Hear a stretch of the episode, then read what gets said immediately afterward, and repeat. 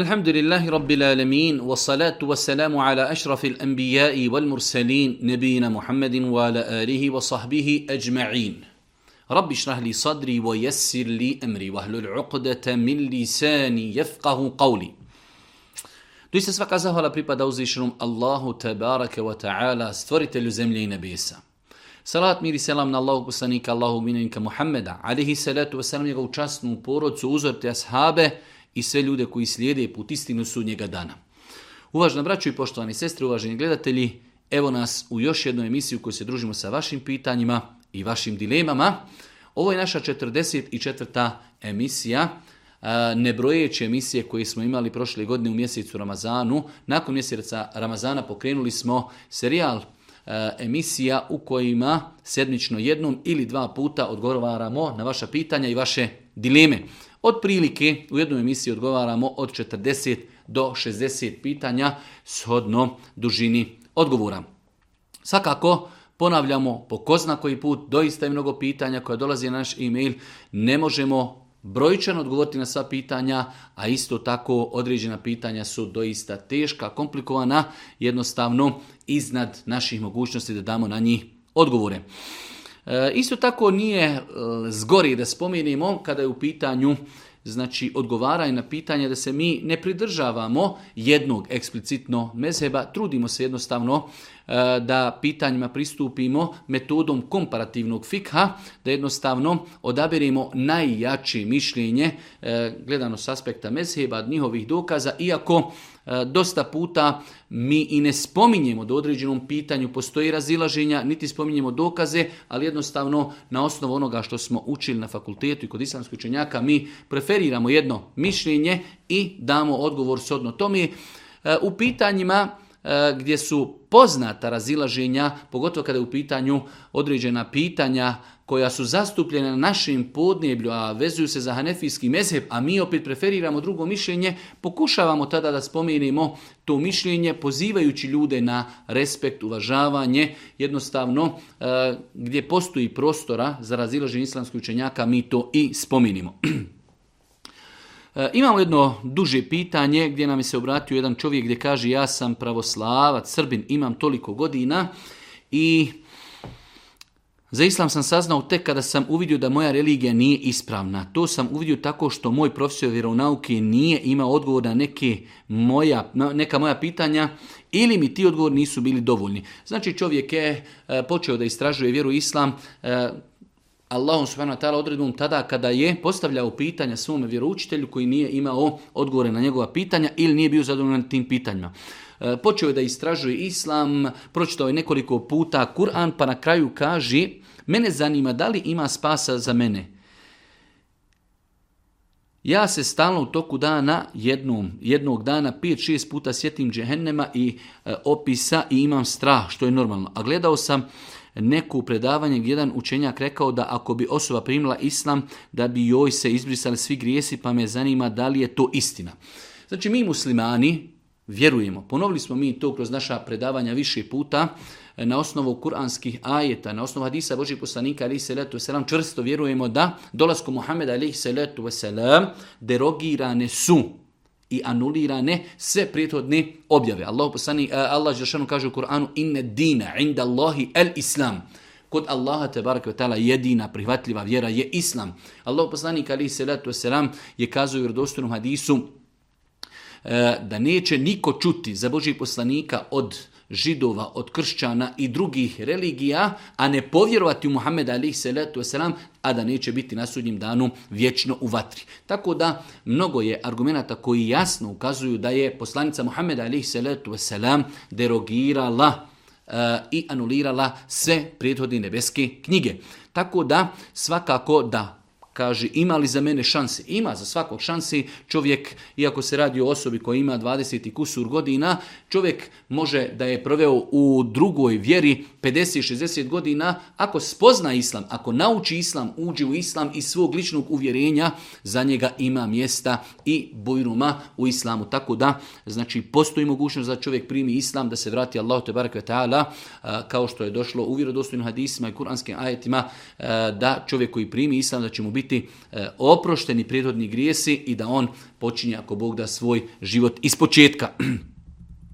Ovdje ostaje moment gdje čovjek u jednom dužem pitanju postavlja e, pitanje kako da saopći svojoj majci za to pitanje. Mi generalno znamo e, da kada je u pitanju Balkan, da ljudi nemaju respekta i nemaju razumijevanja za promjenu vjeri. Konkretno kada čovjek E, kršćanin ili znači iz neke druge religije prelazi u islam, ljudi su i kako netolerantni.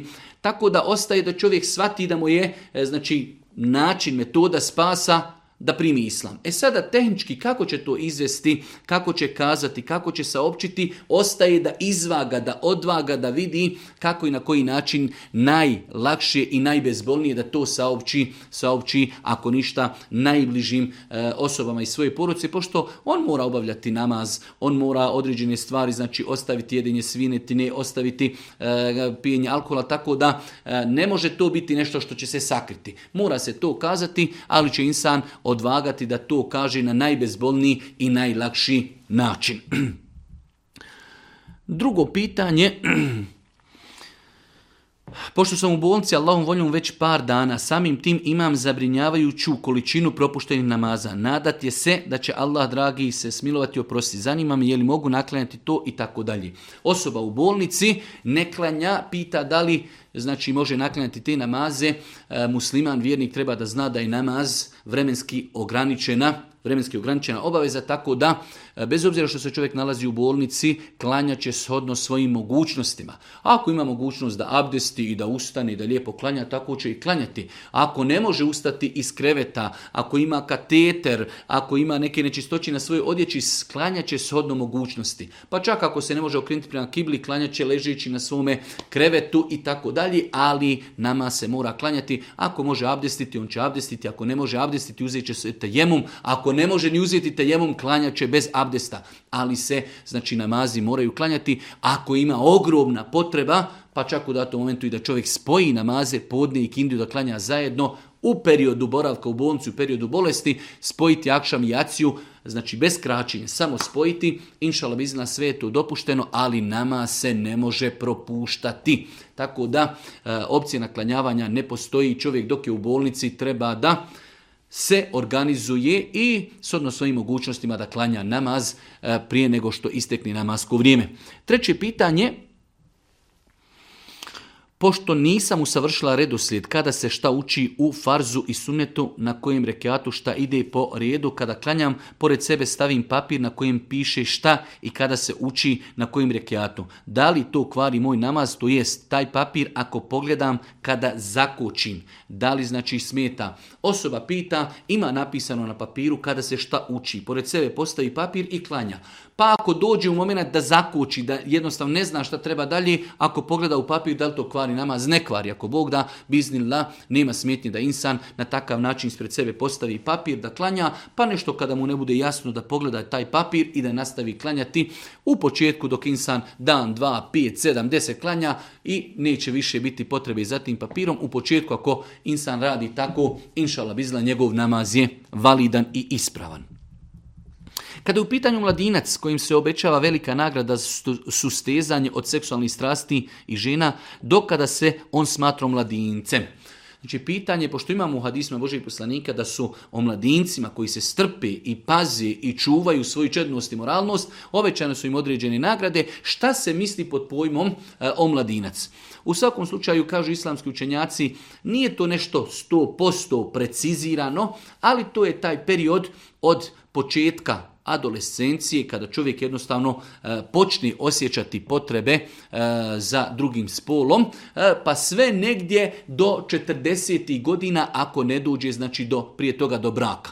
Jer Allah Đelšanu u Kur'anu kada spominje znači godine spominje da čovjek nakon 40 godina ulazi u godine zrelosti. Pa su na osnovu tog ajeta kuranskog islamski učenjaci kazali da period mladosti E, znači počinje od perioda e, adolescencije, ranog, znači puberteta, pa sve negdje do 40. godina, iako bilo učenjaka koji su kazali da period mladosti prestaje prije 40. neki su kazali i nakon 40. da traji, ali neka Allah najbolje zna sredina je da čovjek znači u islamu se smatra u snazi, u mladinac, sve do nekih 40 godina, svakako e, ako se radi o osobi koja, koja još nije stupila u brak.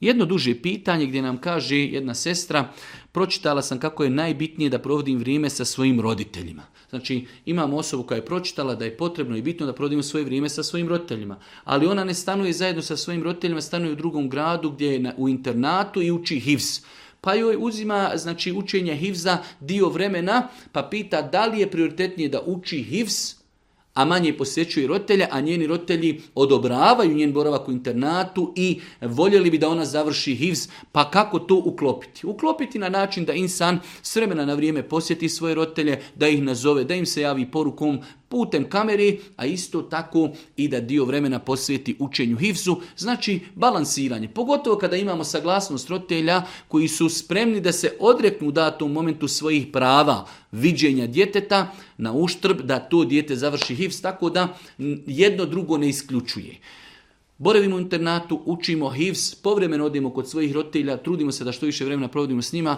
čujemo se putem poruka, putem poziva, putem kamere, putem mobitela i tako dalje tako da jedno drugo ako Bog da ne isključuje, pogotovo ako imamo saglasnost roditelja da dijete možda i rijeđi dolazi kako bi se moglo posvetiti učenju HIVSA.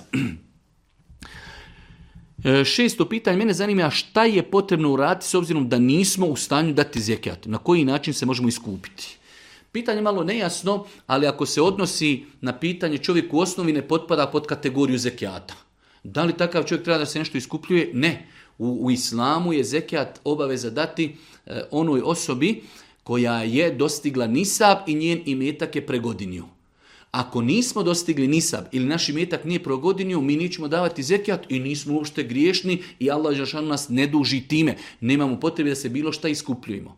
Ako se ovo pitanje odnosi na situaciju da čovjek trebao da da zekat, ali nije dao zbog škrtosti, on treba da zna da je griješan zbog toga i da treba što prije da e, izdvoji e, dio imetka kojeg sljeduje znači po islamu da izdvoji na ime zekijata, sve dok to ne uradi, on je griješan. Tako da znači bojim se da nismo ispravno shvatili ovo pitanje, ali ako se odnosi na osobu koja nema u osnovi mogućnost da daje zekijat, da li ona treba nešto da se iskupljuje? Apsolutno ne, zato što znači u islamu da bi bili obavezni da dajemo zekijat treba da imamo nisab i treba da taj nisab pregodini. Ako se ispune ova dva uvjeta, mi treba da damo zekijat, ako se ne ispune, nama nije obaveza davati zekijat. Da li se ja kao djevojka mogu zaliti sa rođakom četvrto koljeno, pošto se često obilazimo i tako te stvari, pa me zanima odgovor. Djevojka pita da li da može da se zagrli sa svojim rođakom koji je njoj dalja rodbina, znači četvrto koljeno. Ne, znači odgovor je jasno ne. Četvrto koljeno u islamu dozvoljeno da osoba s takvom osobom stupi u brak, takva osoba joj nije trajni mahrem, doticanje takve osobe je u islamu zabranjeno. On ostaje rodbina, mi znači dosta puta imamo problem što e, miješamo dva termina.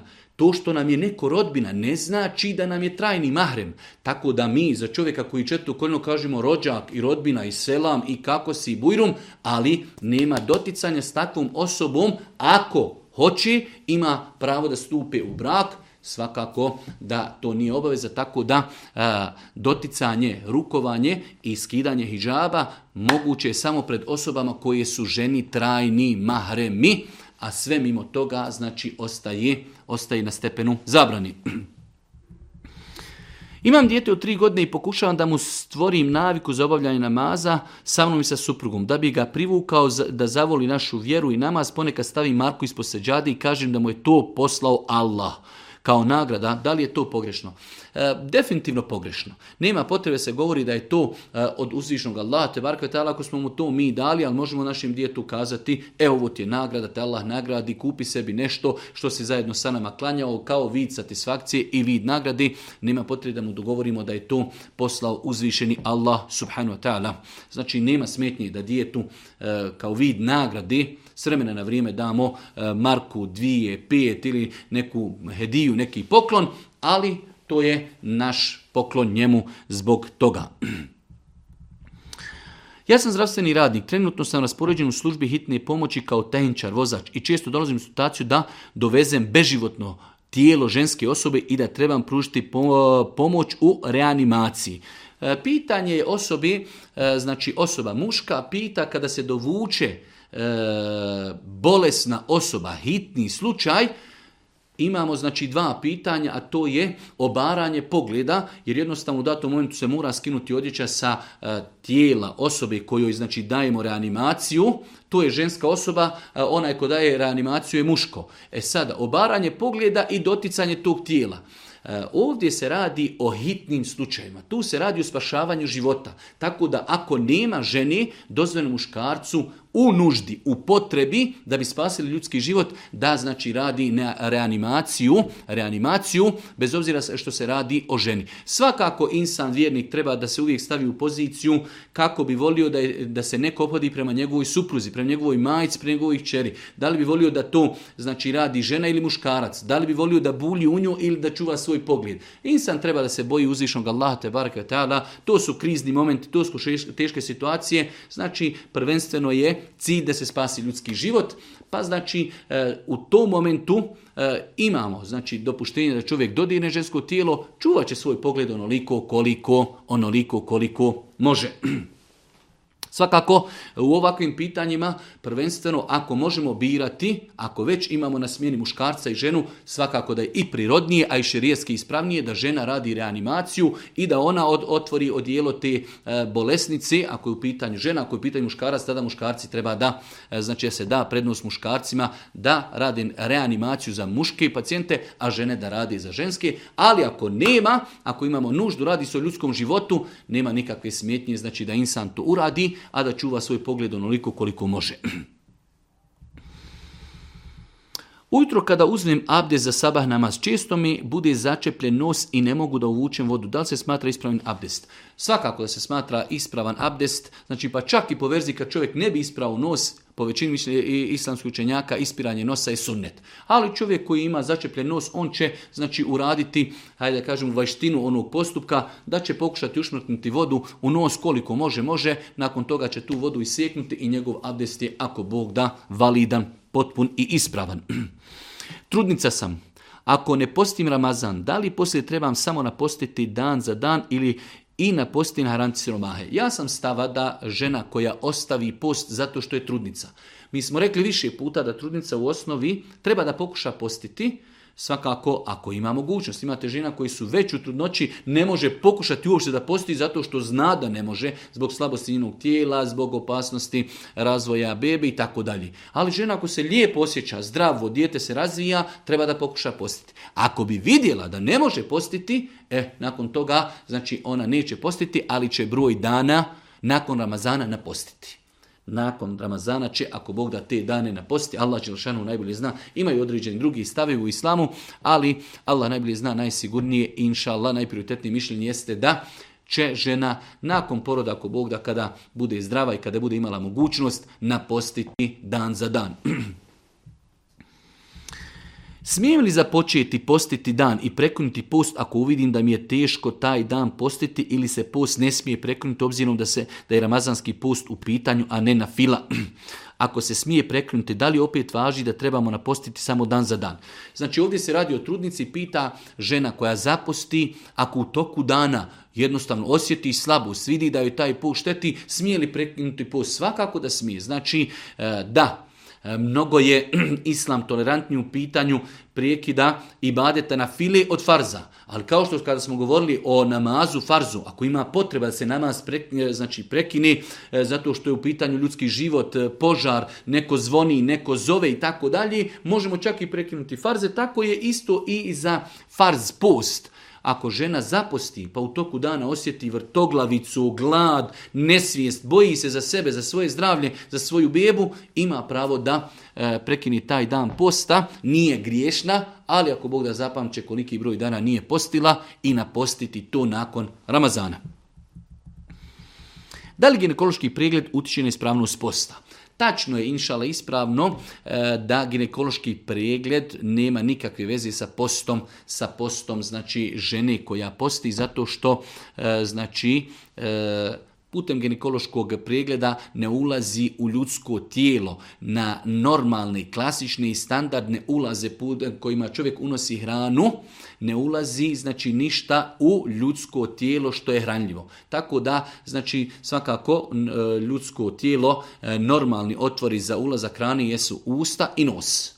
Svakako, e, isto tako unošenje hranljivih inekcija kvari post. Ali ginekološki pregled nema nikakve veze sa tim, tako da e, uz Allahu pomoć, znači osobe koje imaju potrebu za, za ginekološkim pregledom u toku posta, e, mogu uraditi ginekološki pregled i njihov post ako Bog da ispravan. Da li će post, da li su bolesne, da li nisu, to je nešto drugo. Mi govorimo samo o pitanju ginekološkog pregleda, sam po sebi ginekološki pregled ne kvari post.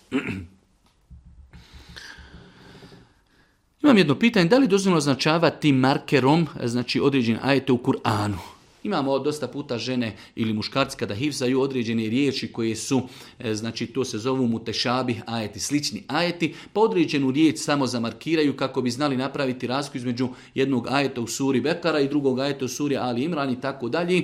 E, učenjaci savremenog doba su smatrali da to ne treba raditi. Ali ako bi to insan i uradio, nadamo se da nije uradio veli grije, zato što to radi, e, znači, odnosno nadamo se da nije uradio nikakav grije, e, ali e, radi to iz potrebe i radi, ne želi on time da, ne daj Bože, oskrnavi Kur'an.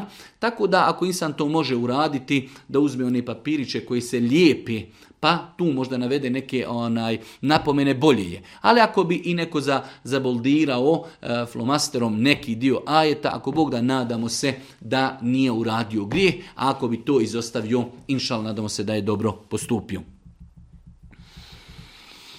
Ja idem u školu, a pošto je škola daleko puno je, moram ići sa busom, autobusom. Busu je glasna muzika, da li ja imam grije zbog toga? Znači osoba koja e, se vozi u autobusu u kojem se sluša muzika. Mi smo kazali e, da e, grije slušanja muzike je onom momentu kada čovjek to sluša on je to sam sebi priuštio.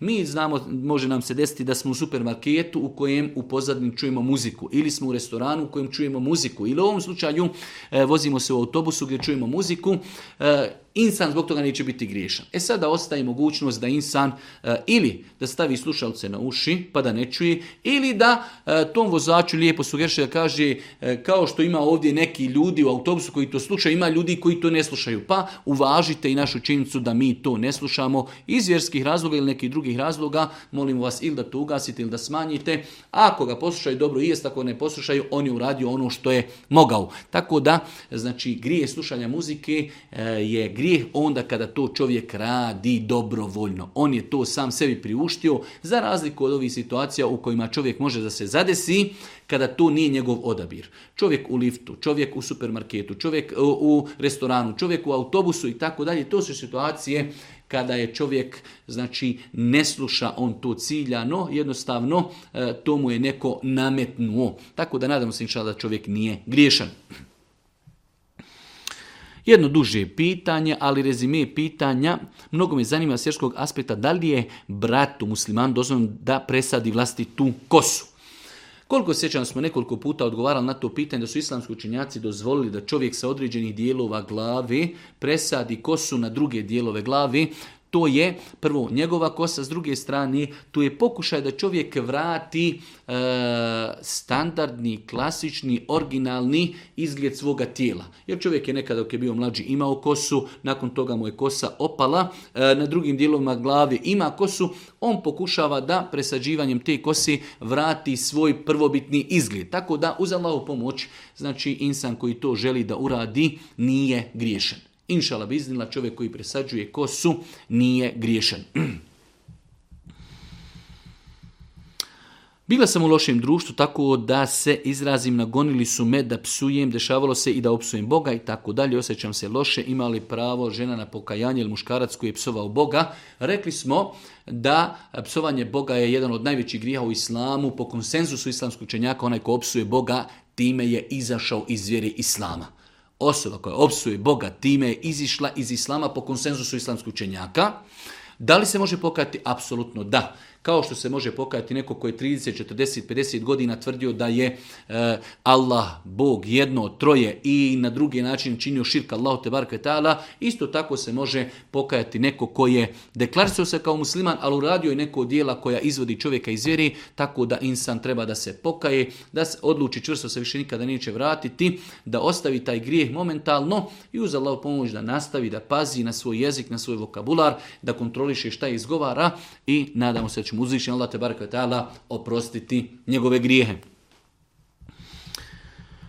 Da li je muslimanki dozvoljno da izdaje stan za novac? Malo čudno pitanje, ali eto, nema smetnje da insan renta i izdaje svoj stan kojeg ima poslovni prostor ili e, ne znam nija nešto slično, to mi je kuća, stan, poslovni prostor, da to nekome izrenta za nešto što je halal i dopušteno. Nema znači smetnje da to e, da nadoknada bude novčana. Znači da se to definiše svakako uvjeti, uvjeti E, izdavanju u islamu imamo u knjigama Fikha jedno kompletno poglavlje koji se zove e, poglavlje Iđari, poglavlje e, iznajmljivanja i rentanja stvari, tako da bitno je da se zna šta se renta i pošto se renta, koliki vremenski period i da se renta za halal stvari. Kada kažemo halal stvari, prvenstveno mislimo ono što je vanština. Nije dozvoljeno rentati kuću ili poslovni prostor da u njom bude kladionca, ili da u njom bude diskoteka, ili da u njom bude birtija, da bude kafana, sve to haram. Ali mi čovjek ako rentamo kuću, on je možda nemusliman i možda će on u toj kući slušati možda muziku ili možda će staviti neku ikonu koja je po islamu zabranjena. To je nešto što on radi u unutrašnjosti naše kući i mi nismo mi nismo e, šerijatom obavezni da to negiramo. Znači, nama je bitno da e, ako čovjek dolazi i kaže ja bi rentao ovaj prostor, da u njemu bude diskoteka. Mi kažemo haram, ne damo. Ako čovjek kaže ja bi ovdje da pravim pekaru, može, zato što je to halal. Kada je u pitanju kuća, kada je u pitanju kuća, znači mi rentamo čovjeku kuću, šta će unutar kući raditi? Nemoguće je da čovjek uvjetimo da ne radi nikakav grije zato što jednostavno ne znamo mi šta čovjek radi u svojoj kući. Nadam se išao da smo razumjeli odgovor. Moje pitanje je vezano za eutanaziju životinja. E onda nakon toga jedno duže pitanje gdje jedna osoba spomenula da je imala veliki problem sa mačkom koja je ostarila i bolesna i tako dalje. E, islamski učenjaci su kazali kada je u pitanju eutanazija e, životinja, da ako postoji zatim potreba, iako postoji razilaženje, e, dva mjeseca su smatrali da je to neispravno, dok dva su smatrala da je to dozvoljeno. Allah najbolje zna. Ako postoji ako postoji potreba za tim, ako vidimo doista da je određena životinja oboljela, e, ostarila, oslijepila, e, da se bukvalno muči u životu, predstavlja možda vlasniku e, te životinje velike probleme u izdržavanju, u higijeni i tako dalje, ako ima zatim potreba, nema smjetnje s aspekta islama da, da se znači ta životinja ubije ili da ju se život ugasi na takav način, znači putem davanja inekcije Znam da mi je mamine sestri sin, nije mahrem. Znači, mamine sestri, to je dajđinica. Žena kaže, od moje, sestre, od moje majke sestra, ona ima sina. Ja sam, kaže, svjestan da mi on nije mahrem. To je tačno. Znači, u islamu, od mamine sestri, to jest od dajđinice dijete, čerci, znači o kojoj govorimo, nije mahrem. E sada, ona kaže, znam da mi mamine sestri, sinovi nisu mahremi. Tačno. Međutim, mamina sestra me je dojila kada je moja majka nije imala mlijeko. Je li mamina sestra meni majka po mlijeku? Samim tim, jesu li meni njeni sinovi vraća po mlijeku i jesu li oni meni onda mahremi? Znači imamo situaciju da žena pita, ona ima majku i ima dajđincu. E, djeca od te dajđinci njoj nisu mahremi. To je tačno islamu. Samim tim imamo drugo pitanje da ta dajđinca dojila tu djevojčicu od svoje sestre čirku. E, da li ona time postaje njena majka? Da, ako su ispunili uvjeti da je to dojenje bilo u periodu prije dvije godine i da je bilo više od pet dojenja. Ako je dajđinca to dijete od svoje sestre zadojila, E, u periodu prije nego što je dostiglo dvije godine i zadojila ga minimalno pet puta, ona mu postaje majka. Samim tim, djeca od te njene majke, odnosno njene dajđince, ali majke po mlijeku, postaju njoj braća i sestre po mlijeku, samim tim oni su joj mahremi. Nadam se išao da smo razumjeli, u osnovi, kada imamo dvije sestre, Znači, e, sad zamislimo da imamo dvije sestre i djevojka pita, moja dajđinca, njena djeca, jesu li meni mahremi? Nisu. Znači to je tačno. E sada, e, ta dajđinca zadojila je dijete od svoje sestre samim tim. Ako je zadojila u periodu prije dvije godine i ako je zadojila pet i više puta, ona je postala čerci e, od svoje sestre i majka po mlijeku. Njena djeca od te dajđince postala su toj djevojci brat i sestra po mlijeku. Samim tim oni su njoj trajno mahremi. Ponovili smo dva put, nadam se ako boda da smo razumjeli odgovor. Možete li nekoj od sljedećih videa pojasniti kako da žena stavi ruke, odnosno šake preko šake, nakon donošenja tekbira? Kada je u pitanju znači, obavljanje namaza, mi smo stava, Boži poslanik je muškarac bio i kazao je e, klanjajte kao što ste vidjeli da ja klanjam. Tako da u pogledu razlike namaza muško i žensko ne postoji. Znači, razlika u namazu između muškarca i ženi ne postoji. Nigdje ne postoji validan vjerodostojan dokaz da je Boži poslanik rekao, e, ovako će klenati muškarci, a ovako će klenati žene. Tako da, znači, sve što je radio Boži poslanik odnosi se na muškarci, odnosi se na žene. Kada je u pitanju kako je Boži poslanik Ali se ratu se nam vezivao ruke, e, znači e, postoje tri različite predaje vjerodostojne kako i na koji način je Boži poslanik vezao ruke Govorimo o načinu vezanja, ne gdje se vezuju ruke.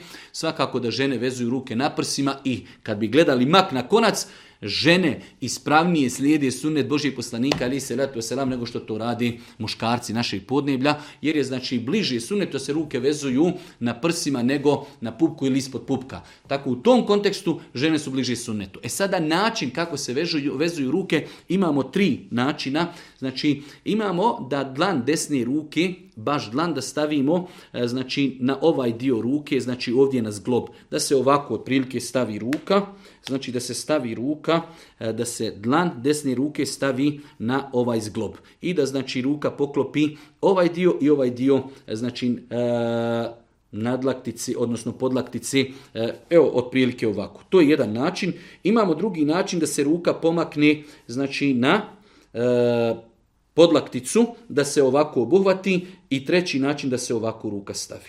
To su tri načina kako se ruka u namazu, ruke u namazu mogu vezati, s tim što se čovjek ne treba time mnogo opterećavati. Allahu ekber i ruke će staviti onako kako je njemu najjednostavnije, najopuštenije, kako će najbolje doživjeti svoj namaz. Bitno je da se stavi desna preko lijevi. Znači, e, jedan od načina jeste da se e, dlan stavi na jednostavno na sam izglob, Drugi način da se ruka pomakne i da se ovako obuhvati e, ovaj dio podlaktice i treći je da se stavi ruka na podlakticu. To su tri načina i za muškarce i za žene, onako kako je preneseno vjerodostojno na disme Božih poslanika, alihi salatu veselam.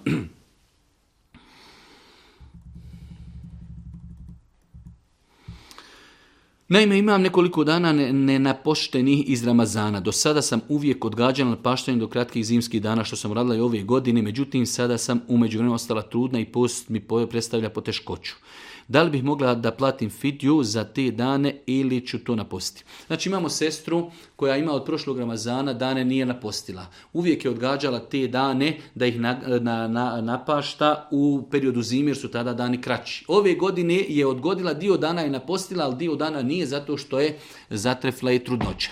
Znači i ta sestra će ako Bog da zapamti broj dana koji nije napostila od prošlog Ramazana, kada prođe ako Bog da ovaj Ramazan, kada se porodi i kada bude spremna, ona će te dane ako Bog da napostiti, opet nakon toga napostiti dane koji ne bude postila ovom Ramazanu i ako Bog da ona je svoj dug i obavezu riješila.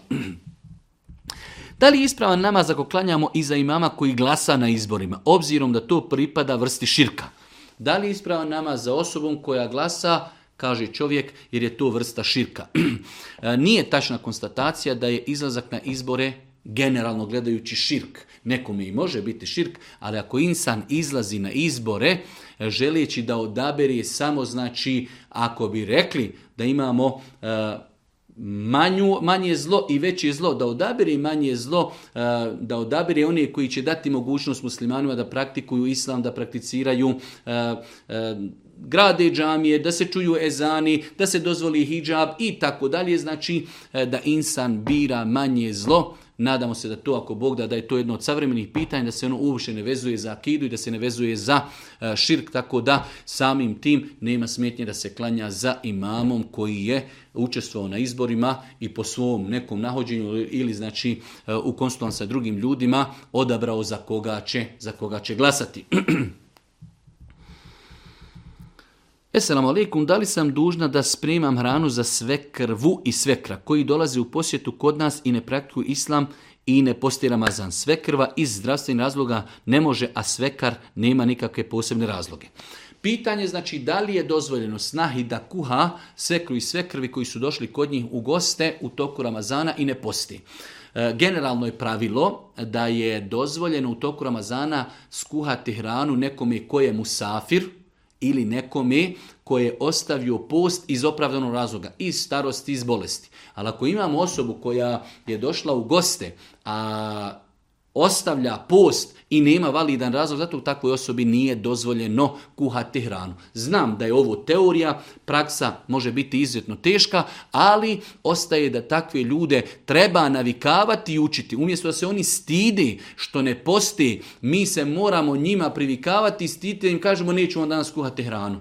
Znači jednostavno treba u ovom slučaju konkretno najbolje da sin preuzme na sebe tu odgovornost i da jednostavno kaže izvinite, Allah vam dao svako dobro, znači e, nakon iftara ćemo ako Bog da jesti zajedno, e, vama je obaveza postiti, hoćete li postiti ili nećete, to je vaša stvar, ali ako ne postite, znači, a nemate za to opravdan, validan razlog, e, do iftara ako Bog da vam ne možemo sprimati nikakvu hranu ako nisu musafiri i ako nisu bolesnici. Ako su musafiri, ako su bolesnici, onda im je dozvoljeno spremiti hranu tehnički kako to uraditi na način kako će to ako Bog da razumjeti, ali nije dozvoljeno, znači ako ne posti iz neopravdanih razloga.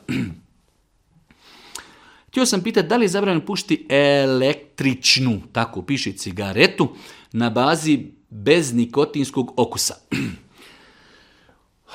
U svakom slučaju, mm, mislim da je prioritetnije, u minimalno što možemo kazati, prioritetnije da se i taka vid cigara izbjegava, pošto dovoljno je da čovjek ode i da pogleda određene naučne studije putem interneta gdje vid, da vidi da čak i cigarete E, elektronske ili električne, kako se već zovu, e, koje su bez nikotinskog okusa, da i one štetno djeluju na ljudski organizam.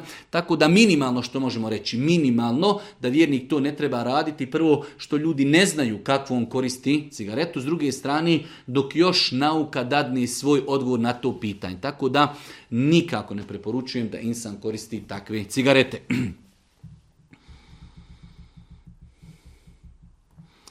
Zanima me propis uzimanja kapi za nos prilikom posta. Zanima me propis uzimanja kapi za nos prilikom posta. Čovjek znači, čovjek posti, čovjek posti da li u toku dana kada posti može uzimati kapi koji će stavljati u nos. Islamski učenjaci na osnovu hadisa Božeg poslanika gdje je kazao dobro isperite nos, osim kad ste postači. Pa je Boži poslanik izuzeo dobro ispiranje nosa prilikom abdesta situaciju kada čovjek posti. samim tim zašto? Zato što voda kroz nos može proći u grlo i čovjek može na taj način pokvariti svoj post. Tako na osnovu toga islamski učenjaci su kazali da čovjek ako će koristiti kapi za nos treba dobro da pazi da mu te kapi ne prođu i odu u grlo. Ako bi čovjek osjetio e, okus kapi u grlu, kažu islamski učenjaci da je na taj način pokvario post. Zato je bolje i prioritetnije da se to ne koristi ako čovjek može birati da znači te kapi koristi prije sehura i da ih koristi nakon iftara, ali u toku dana kada posti, e, osim da je doista bolesnik, tada je on u, u, u ajde kažemo, kategoriji bolesnika, pa može pokušati koristiti kapi ako osjeti e, znači ukus i ako osjeti e, u grlu e, okus tih kapi, Allah najbolje zna njegov poslije pokvare. Tako da generalno osoba može izbjegavati u toku dana kada posti korištenje kapi za, koji se stavljaju u nos, to je definitivno bolji.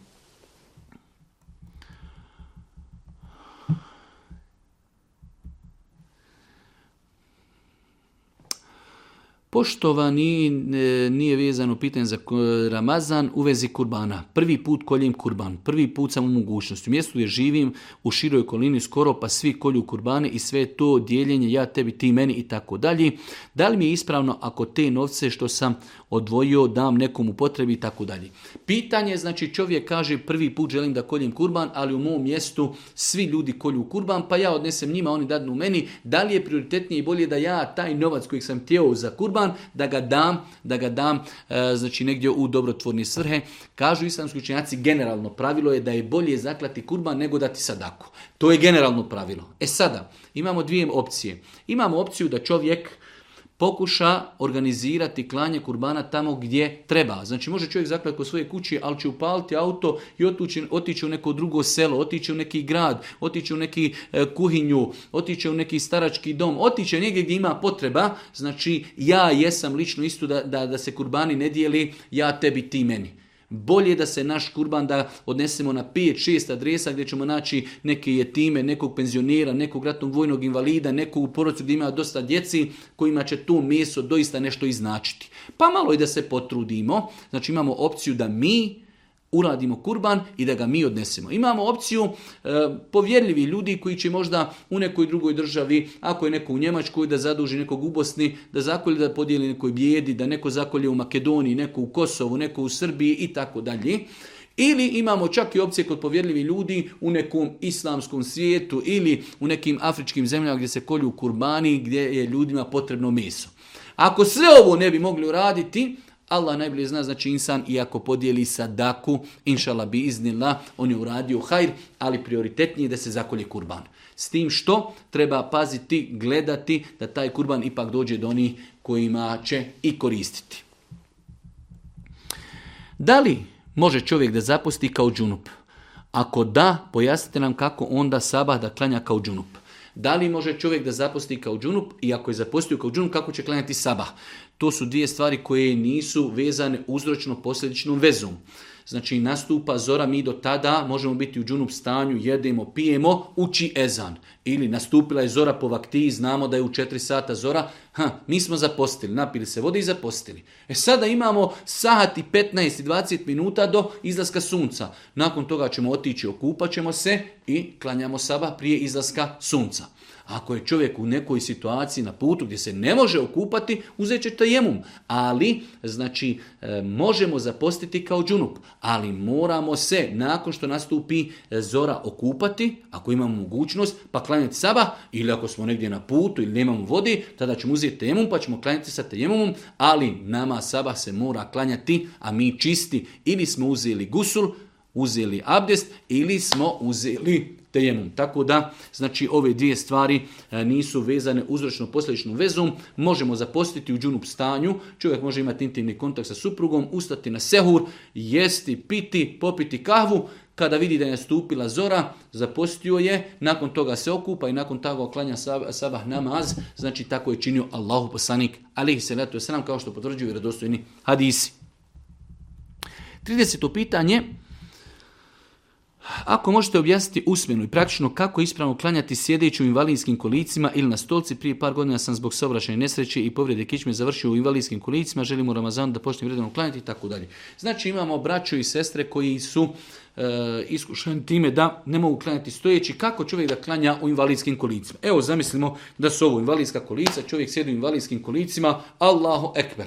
Znači čovjek, oni radnje koji može raditi, tako će raditi, ono što ne može radit će u svojim mogućnostima. Kada čovjek znači, prouči subhaneke, prouči fatihu, prouči suru, znači Allahu ekber, na ruku će se pogijeti malo. Subhana rabijal azim, subhana rabijal azim, subhana rabijal azim. Semi Allahu limen hamide, čovjek se vraća na ruku, na, na, na kijam sjedići. Rabbena velike alhamd, hamden kathirom, tajben fi. Nakon toga pogijeće se malo više i to je njegova seđda. Subhana rabijel e'ala, subhana rabijel e'ala, subhana rabijel e'ala, Allahu ekber, Allahu ekber, druga seđda, vraćamo se ponovo na kijam. Znači tako će čovjek klanjati na kolicima, započnimo nama sjedeći, učimo ono što treba učiti kada idemo na ruku, pogijećemo se, hajde kažemo pola, nakon toga se vraćamo na kijam, nakon toga odlazimo na seždu, pogijećemo se malo više, nećemo glavu spuštati ni na što, ruke ćemo staviti na koljena, proučit ćemo zikr, vraćamo se sa sežde u sljedeći stav, opet idemo na drugu seždu, vraćamo se na kijam i nastavljamo drugi rekat i tako dalje. Nadam se ako Bog da, da smo uspjeli pojasniti kako i na koji način, kada čovjek klanja već dva rekiata, sjedi, ruke stavlja, uči tehijatu, ako je to u pitanju dvorekjatni namaz, predaće selam, ako je u pitanju trorekjatni, znači kada klanja, e, uči tehijatu, samo kaže Allahu Ekber i vezuje ruke, ponovo nastavlja klanjati, a on sjedi u kolicima. Nadam se, inšala, da smo razumjeli kako i na koji način čovjek klanja u kolicima. Može li se u podni namaza klanjati samo farz? Ovako nekad kad se sjeti, e, sjedi, pa pričaju onaj ko ne klanja sunnete podnevski i sun sunnet da od toga nema ništa. Malo me to zbunilo. Pogledajte šta znači neznanje. Imamo znači ljude koji kažu ako ne klanjaš sunnete i sun sunnete na podne kao da nisi ništa ni klanjao. Što je džehl, što je neznanje i što je veliki grijeh pričati o vjeri bez znanja. Čovjeku je uzvišeni Allah naredio da na podni namazu klanja četiri rekiata. To je ono za što će naš gospodar pitati na sudnjem danu. Ako možemo prije podne klanjati dva ili četiri rekiata i nakon podne dva ili četiri rekiata, to je ekstra. Ali nije obaveza. To je na fila, to je dobrovoljni. Zato se zove riječ na fila, dobrovoljni namaz. Ono za što ćemo biti pitanje jesu farzi. Tako da čovjek treba vjernik da se organizuje, da klanja četiri rekiata farza na podni. Može klanjati na filu prije dva ili četiri ili poslije dva ili četiri, to je sve dobro ali ono što je obaveza jeste da klanja farze i to nema nikakve veze sa ispravnosti namaza. Farza da li je klanjao sunnete prije i sunnete poslije, znam šta govorim, odgovorno to tvrdim i treba žestoko pa i malo grubo odgovoriti tim džahilima i neznalicama koji ljude odbijaju od namaza. Čovjek bi klanjao farze, on mu kaže ako neš klanjati sunete nemoj džava klanjati. Što je veliki grijeh odgovarati ljude od obavljanja farz namaza. E, drugo slično pitanje e, i što mi odavno ne da mira da se u ikindiji ne trebaju klanjati sunneti, već samo farzi. Ko klanja sunnet nema od tog ništa. Vidite sad obrnuto. Sad opet kažu za ikindiju ne trebaš ništa klanjati. Ako klanjaš uz ikindiju nešto neispravno ti je namaz, što je opet neispravno. Prije ikindije se može klanjati dva rekiata tehijetul mesjid ako smo u džamiji. Prije ikindije se mogu klanjati dva rekiata općina filije. Prije ikindije se mogu klanjati četiri rekiata za koje Boži poslanik Ali se rad sam izrekao poseban hadis. Četiri rekiata prije ikindije sunnita se mogu klanjati. E sad, šta ljude zbunjuje? Ljude zbunjuje što ta četiri rekiata nisu ubrojani u onih 12 rekiata koji se zovu sunnetul mu ekede, potvrđeni sunneti, za koje je obećana posebna nagrada kuća u džennetu za onoga ko bude redovno klanjao tih 12 rekiata, sabah 2, četiri prije podne, dva poslije podne, dva nakon akšama i dva nakon jaci. To je 12 rekiata potvrđeni i za njih ima posebna nagrada. Ali to ne isključuje da prije kindije klanjamo dva ili četiri, ali isto tako klanjali ili ne klanjali, to nema nikakve veze sa farzima i kindije. Mi klanjamo farze Allahu Ekber od početka do kraja. Da li smo prije toga klanjali ili ne, nema apsolutno nikakve veze sa farzima možemo prije Indije klanjati dva rekiata tehijetul mesčida, možemo klanjati dva rekiata općina fili, možemo klanjati četiri rekiata, dva po dva prije i ikindije, nakon toga klanjamo ikindiju. Kada je najbolje ukoliko sati klanjati na filu namaz, evo ide i Ramazan, ako Bog da, pa da iskoristimo to na najljepši način. Kada je u pitanju na fila, E, noćna na fila najbolje se klanja u zadnjoj trećini noći, pogotovo ljudi ustaju na sehur, znači čovjek e, ustat 45 minuta, pola sata prije e, znači nastupanja zori, dok supruga pripremi znači sehur, čovjek može tada klanjati vitr, klanjati 2, 4, 6 rekiata na fili, isto tako žena znači nakon što završi sa sehurom može klanjati na filu prije sehura, poslije sehura i tako dalje, u svakom slučaju najbolje vrijeme kada je u pitanju noć, za nafilu jeste vrijeme posljednje trećine noći. Vrijeme posljednje trećine noći, a to su neki e, i po dva, kako kada u toku godine, dva i po sata prije nastupanja, prije nastupanja zori. Znam da nenamjerno povraćanje ne kvari post, a da li insan nakon povraćanja treba nastaviti postiti i ako ne, da li je dužan da napusti taj dan?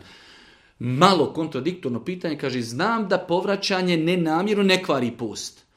Dobro, ne kvari post. Pa šta ćemo ako nije pokvaren post? Pa nastaviti postit i ne treba tu napaštati. Znači, ako čovjek desi se u toku dana da je nenamjerno povratio, jednostavno vozio se u autu i došla mu je moćnina, povratio.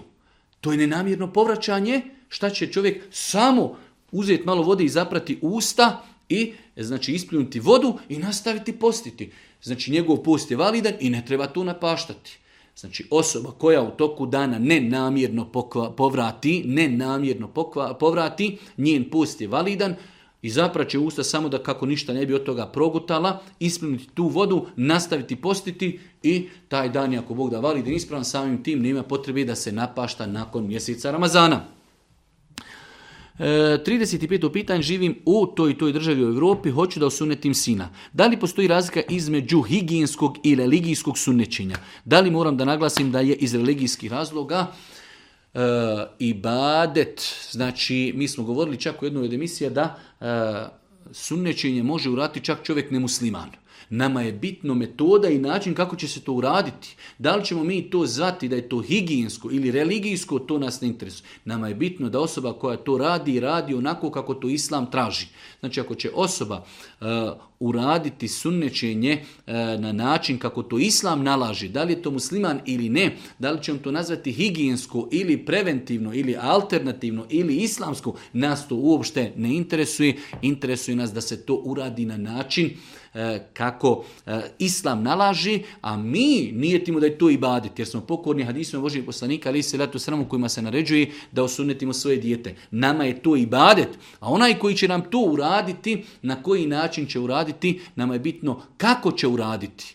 A kako će on to zvati, kako će on to tretirati? Možda u nekim zemljama Europi jednostavno to tretiraju kao e, neko medicinsko, higijensko e, poduhvat. Nas to ne interesuje. Nas interesuje da otkloni i uradi onako kako to nalaži islam. Ako će oni to uraditi onako kako nalaži islam, nas ne interesuje kako to oni zovu. Nadam se inšala da smo razumjeli. Jedno malo duže pitanje ali interesantno pitanje gdje kaže jedna naša sestra, naime, od kako se oženio, e, naša majka mu, e, pitala bi pitanje za brata.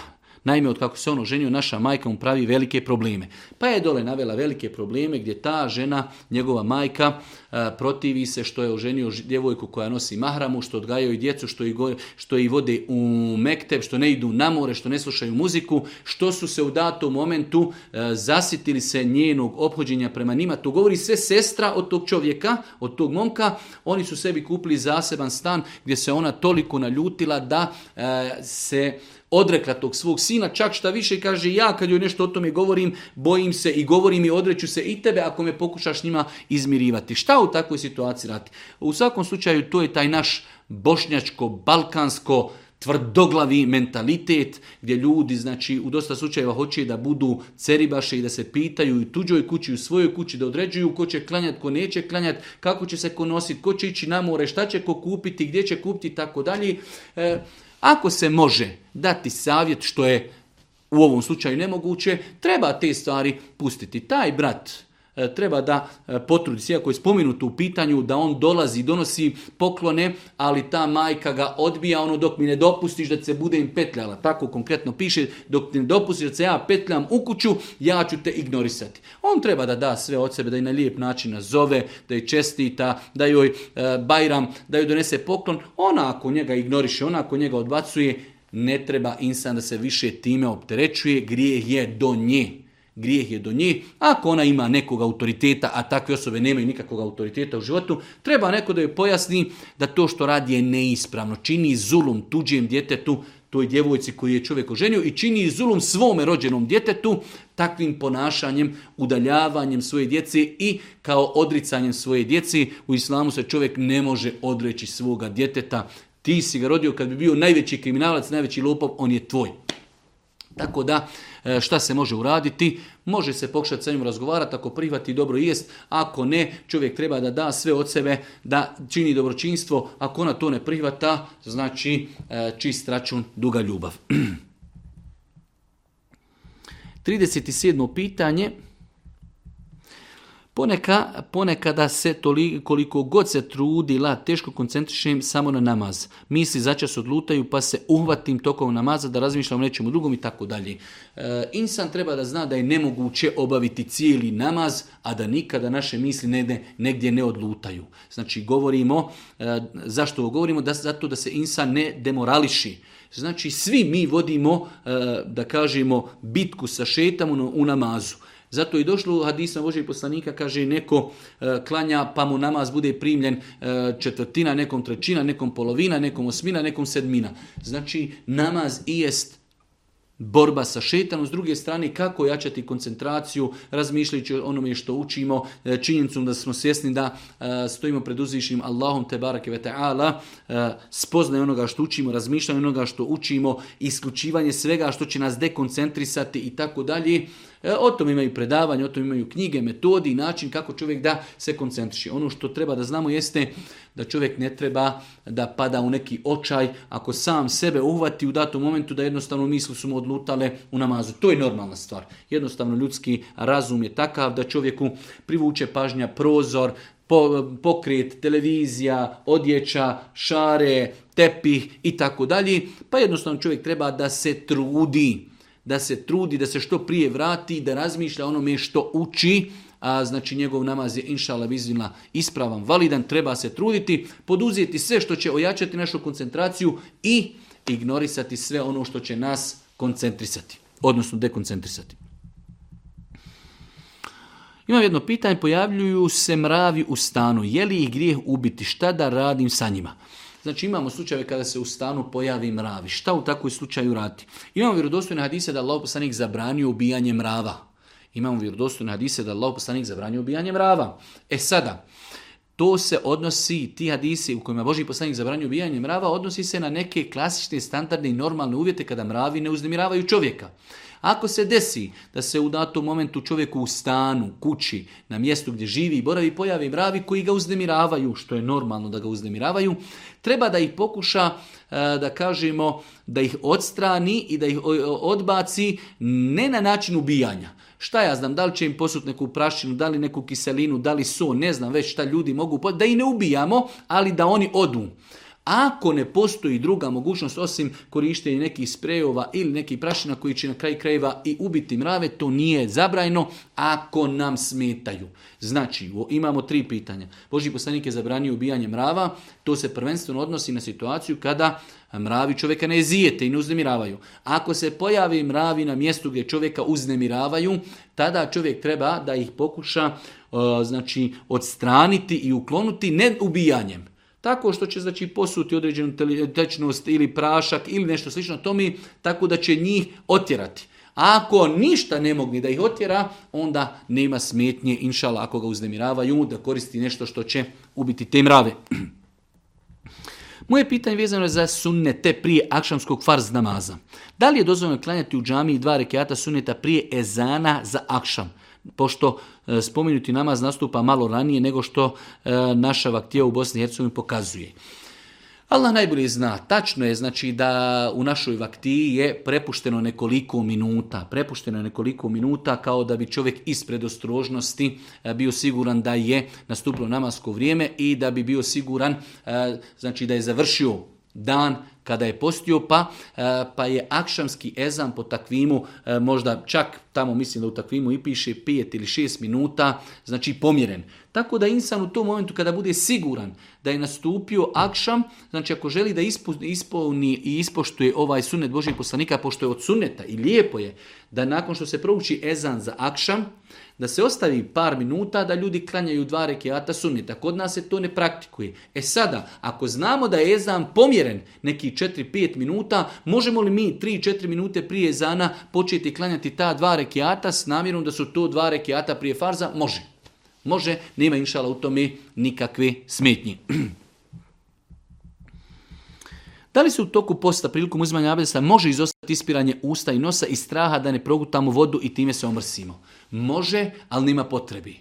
Ne možemo biti bolji muslimani od Božijeg poslanika. Božiji poslanik kaže, e, dobro isperite usta i nos, osim kad ste postači. Nije rekao nemojte ispirati, samo nemojte intenzivno, nemojte mnogo ispirati. Tako da nema potrebe da se izbjegava ispiranje usta i nosa kada čovjek posti, ali to čovjek će znači uraditi više simbolično, neće mnogo usmrkivati vodu, već će to samo znači uraditi simbolično, ali nema potrebe da se izbjegava e, ispiranje usta i nosa, znači da je to trebalo, Boži poslanik bi to izbjegavao i rekao bi nemojte to učiniti, već je samo Boži poslanik preporučio da se znači baš ne pretjeruje i ne intenzivno ne ispira jako kad u pitanju ispiranje nosa. Tako da nema potrebe da se e, izostavlja ispiranje usta i nosa kada čovjek posti, samo to čovjek neće znači mnogo intenzivno raditi, jako, već jednostavno samo malo ušmrtnuti vodu, e, lijevom rukom isjeknuti, iako Bog da njegov validan je i namaz i abdest, a i njegov post.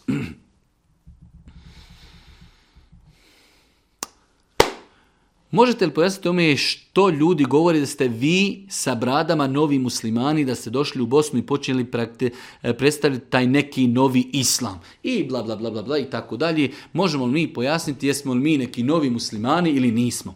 E, s jednog aspekta nismo novi muslimani, mi smo mi s bradama, čovjek kaže vi s bradama, mi smo muslimani obični jer nema novi, nema stari, ali ako bi rekli da su bili neki stari muslimani koji su zapostavili prakticiranje mnogih stvari od islama, pa mi došli, pa oživjeli, pa to neko nazvao novim islamom, nek zove kako hoće, jesmo, to smo mi.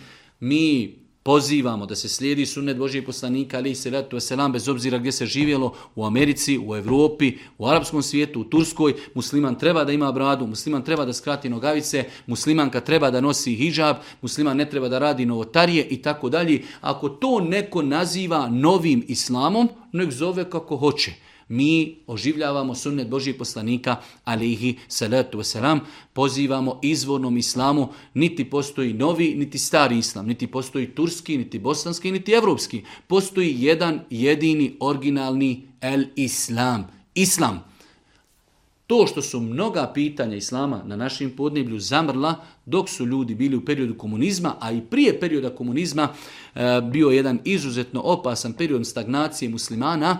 Sada dolaze generacije koje su išle u arapski svijet od Mekke, od Medine, od Kuvajta, od Egipta, od mnogih drugih islamskih zemalja gdje su ljudi naučili islam originalni, izvorni, imaju pristup mezhebskim knjigama, knjigama iz akide, vratili se ljudi, oživljavaju ono što je umrtljeno od islama na našim prostorima, to neko naziva novim islamom, neka zove kako hoće, mi smo ponosni na to. Imamo jedno duže pitanje jedne naše sestre koja kaže E, da ima u običaju da joj mjesečnica traje 5 dana. Jednom joj se desilo da nakon tri dana ili četiri e, počelo je krvarjenje da slabi i ona je znači se okupala, e, počela klanjati i u tom periodu prije nego što je znači isteklo pet dana od početka mjesečnice ponovo se javila krv. Da li je ta krv mjesečnica ili ne? Da. Znači, ako se desi da žena ima E, takozvani svoj adet, običaj. Većina žena ima svoj neki običaj, pet ili šest dana joj traje mjesečnica. Prva stvar je greška je požuriti sa kupanjem prije nego što žena bude sigurna da je mjesečnica završila. Tako da, znači, pogotovo žene koje imaju adet običaj, ako žena ima običaj da ju traje mjesečnica 5 dana. Četvrti dan svakako da krv lagano prestaje da se povlači, pa će se žena tek, znači, sutra dan okupati kada bude sigurna da je krv prestala, na način, znači, ili što će se pojaviti bijeli isjedak, ili da žena bude sigurna e, tako što će provjeriti putem vati ili na neki drugi način, e, znači, e, da je 100% krvarenje prestalo, tada će se žena okupati. Kazali su islamski učenjaci, ako im se desilo da žena koja ima stalno običaj, da joj hajz traje 5 ili šest dana, već koliko, pa ako joj u tom periodu hajz i završi, pa se ponovo pojavi u periodu kojeg je ona prija imala kao adet, ona će to smatrati hajzom, prestaće klanjati, sačekat će ponovo prestana krvarinja i nakon toga će se ponovo okupati. Nadam se, inša da smo to shvatili, pošto je to malo komplikovano. Čovjek kaže, imao sam, bio sam u autu, imao sam malu količinu vode, bukvalno jedan gutlaj vode, e, pa ka, tako nam je kazao, Ja sam, kaže, oprao samo ruke i lice. Kao analogno tejemom, opravo sam samo luke i šake i tako klanjao. Da li je to ispravno? Nije ispravno. znači osoba koja ima malo vode e, može se naći e, prema islamskim učenjacima u dvije opcije. Ili će odmah uzeti tejemom, ili po drugom e, mišljenju učenjaka, taj dio vode će potrošiti. Počeo će abdestiti, pa kad nestane vode i nakon toga će uzeti tejemom. Ali da insan potroši tu vodu i tako da počne klanjati, to je neispravno. Znači osoba koja ima malo vodi, rećemo da osoba ima e, jednostavno u flašici da kažemo dva gutljaja vodi. E, nije mu dovoljno da time abdesti. Šta će takva osoba uraditi? Ovaj naš brat je uradio da je uzeo to vodi, opruje lice, opruo šake, kao kada temu uzimamo, operimo šake i operimo lice. I to je kao dovoljno. Nije dovoljno. Imamo učenjaka koji kažu, onaj ko nema dovoljno vozi za abdest, on će tu vodu ostaviti, uzet će i klanjaći. Drugo mišljenje koje je malo predostrožnije i bolje jeste da čovjek počne abdestiti. Pa će abdestiti, ako uspije završiti abdest ekstra. Ako ne uspije, ako mu ostanu neki dijelovi tijela koji nije uspio oprati, nakon toga će uzeti tejemom i nakon toga će klanjati. Tako da znači, ako se nađemo u situaciji da imamo samo malo vode, mi ćemo pokušati sa to vode abdestiti. Ako abdestimo, dobro jest. Ako ne uspijemo završiti abdest, makar ostala samo jedna noga ili dvije noge, mi ćemo nakon e, što smo potrošili svu vodu, uzet ćemo još tejemum da bi upotpunili svoj abdest i nakon toga ako Bog da klanjati.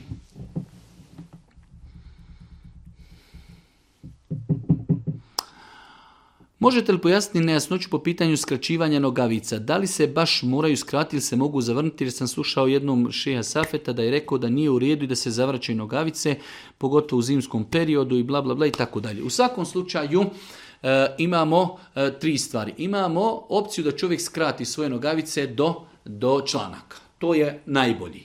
Imamo da čovjek podvrati nogavice do članaka. E, podvraćivanje odjeće je pokuđeno ali je bolje podvratiti nego i pustiti da budu ispod članaka. Tako da znači imamo opciju da spustimo odjeću ispod članaka što je zabranjeno, imamo opciju koja je najbolje da skratimo svoje hlače do članaka. Bila zima, ne bila zima, čovjek neće napolje kad izlazi, znači izlaziti bosi nogu, svakako će obući e, čarape koji su iznad članaka i na taj način ako Bog da riješiti problem hladnoći. Pa imamo znači opciju da spustimo odjeću ispod članaka što je haram i zabranjeno. Imamo opciju da skratimo nogavice do članaka što je najbolje i imamo opciju koja je duga odjeća iz ispod članaka da je zavrnimo.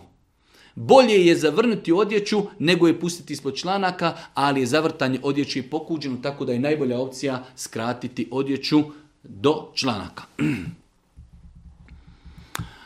Zanima me šta znači kada pas zavija za vrijeme ezana.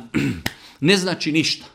Allah najbolje zna, znači dešava se da imate znači situacije kada pas čuje učinje zana da zavija. Nama je Boži poslanik kazao u vjerodostojnom hadisu kada čujete zavijanje psa ili kada čujete eh, kada čujemo revanje magarca, kada čujemo revanje magarca, da je pohvalno i lijepo da se utječimo Allahu od prokletog šetanja, jer kaže magarac i pas tada vide ono što mi ne vidimo. Znači, Potvrđen je sunet Božeg poslanika da kada čovjek čuje e, znači zavijanje pasa i rijevanje magaraca, da se tada utiče Allah od šetana, jer kaže oni tada vidi nešto što mi ne vidimo. E, oglašavanje psa ili magarca kada čuje učenje zana ne postoji nikako tumačenje u pogledu toga u, vjeri tako da insan to znači će tako i prihvatiti. E, dva pitanja i time ako Bog da i završavamo večerašnju emisiju. Jako mi se sviđa djevojka koja ne nosi hijab. I ja se nju jako sviđam. Viđali smo se i tako dalje. Sve je bilo dobro da nismo došli do teme hijaba e, i tako da. U svakom slučaju momak pita za situaciju, sviđa mu se neka djevojka, moralna, čedna, česta, on se njoj sviđa, ona njemu sad, o načinu konverzaciju, o aškovanju, o tome smo govorili desetine puta i o tome nećemo govoriti. E, da li, kaže, ženti djevojku koja, iako je vjernica i klanja, ali e, daje nam do znanja da ona nikad u životu neće nositi mahramu. E, generalno nošenje mahrame je obaveza punoljetnoj ženi muslimanki, ali to ne izvodi ženu iz vjeri.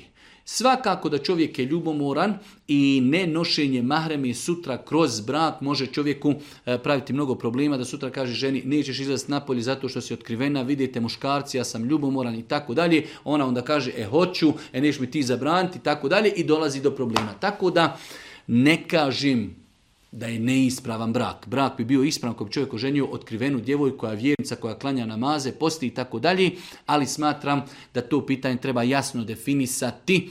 Znači, smatram da je prioritetnije i bolje da ta djevojka donese odluku u redu, ako nisam bila pokrivena, od dana e, udaje pokriću se i Mirna Bosna oženiti djevojku koja je otkrivena, bez obzira što je vjernica, Ispravan je brak i čovjek može možda sa takvom djevojkom i proživjeti mnogo hajra, ali može isto tako biti veliki problem u budućnosti. Neka čovjek misli, dobro, djevojka će se pokriti nakon mjesec, dva, tri, pet, a šta nakon godinu dana ona kaže ja ne želim da se pokrijem, nisam spremna, ne želim da me proziva društvo tamo vam, muškarac ljubomoran na ženu zabranjuje da izađe iz kuće bez mahrame, ona hoće da izađe i dolazi do mnogih problema, tako da mislim da je bolje to pitanje riješiti prije braka. Mislim da je bolje pitanje riješiti prije braka ako ta djevojka ostane čvrsto, ne želi da nosi mahramu, Allah najbolje zna onda je bolje tražiti drugu djevojku.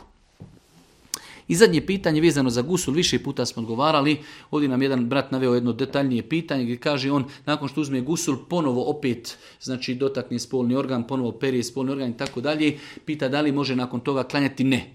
Znači mi smo stava da doticanje spolnog organa kvari abdest. E, da bi čovjek mogao nakon, nakon kupanja da klanja namaz, šta treba da uradi? Čovjek treba da znači e, uzme gusul onako kako je to učinio Boži poslanik ali se letu nam ako se kupa od džunupluka.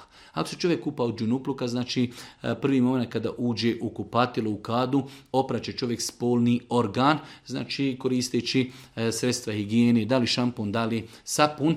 Nakon što operi spolni organ potpuno i sve što je okolo spolnog organa, nakon toga će uzeti potpuno abdest. Cijeli abdest kao da klanja. Nakon toga više znači eh, abdesti ne dodiruje više spolni organ, eh, sapraće glavu, sapraće desnu stranu, sapraće lijevu stranu, može svakako koristiti šampun, može koristiti eh, sapun, ne dodiruje znači više spolni organ, nakon toga izlazi iz kupatila, posušuje se, ne dodiruje direktno spolni organ. Ako bi dodirnuo spolni organ preko peškira, to ne smeta. Ako dotakne direktno spolni organ, on je izgubio abdest i ne može klanjati, mora ponoviti abdest. Ako se posuši i ne dotakne spolni organ, a znači uradio je nakon kako smo rekli, e, opravo je spolni organ, uzeo je abdest, nije više nikako doticao spolni organ, osušio se, obukao odjeću, može sa takvim abdestom, odnosno sa takvim kupanjem, da klanja ako se radilo o kupanju koje je od džunupluka, a ne neko klasično i standardnu tuširanje. Allah te barka ta'ala, molim da nas učite na putu istina, i korisno znanje. Na kraju, subhanaka Allahumma da bihamdike, šedu in la ila in stakfiruke, wa etubu ilaik. Ah.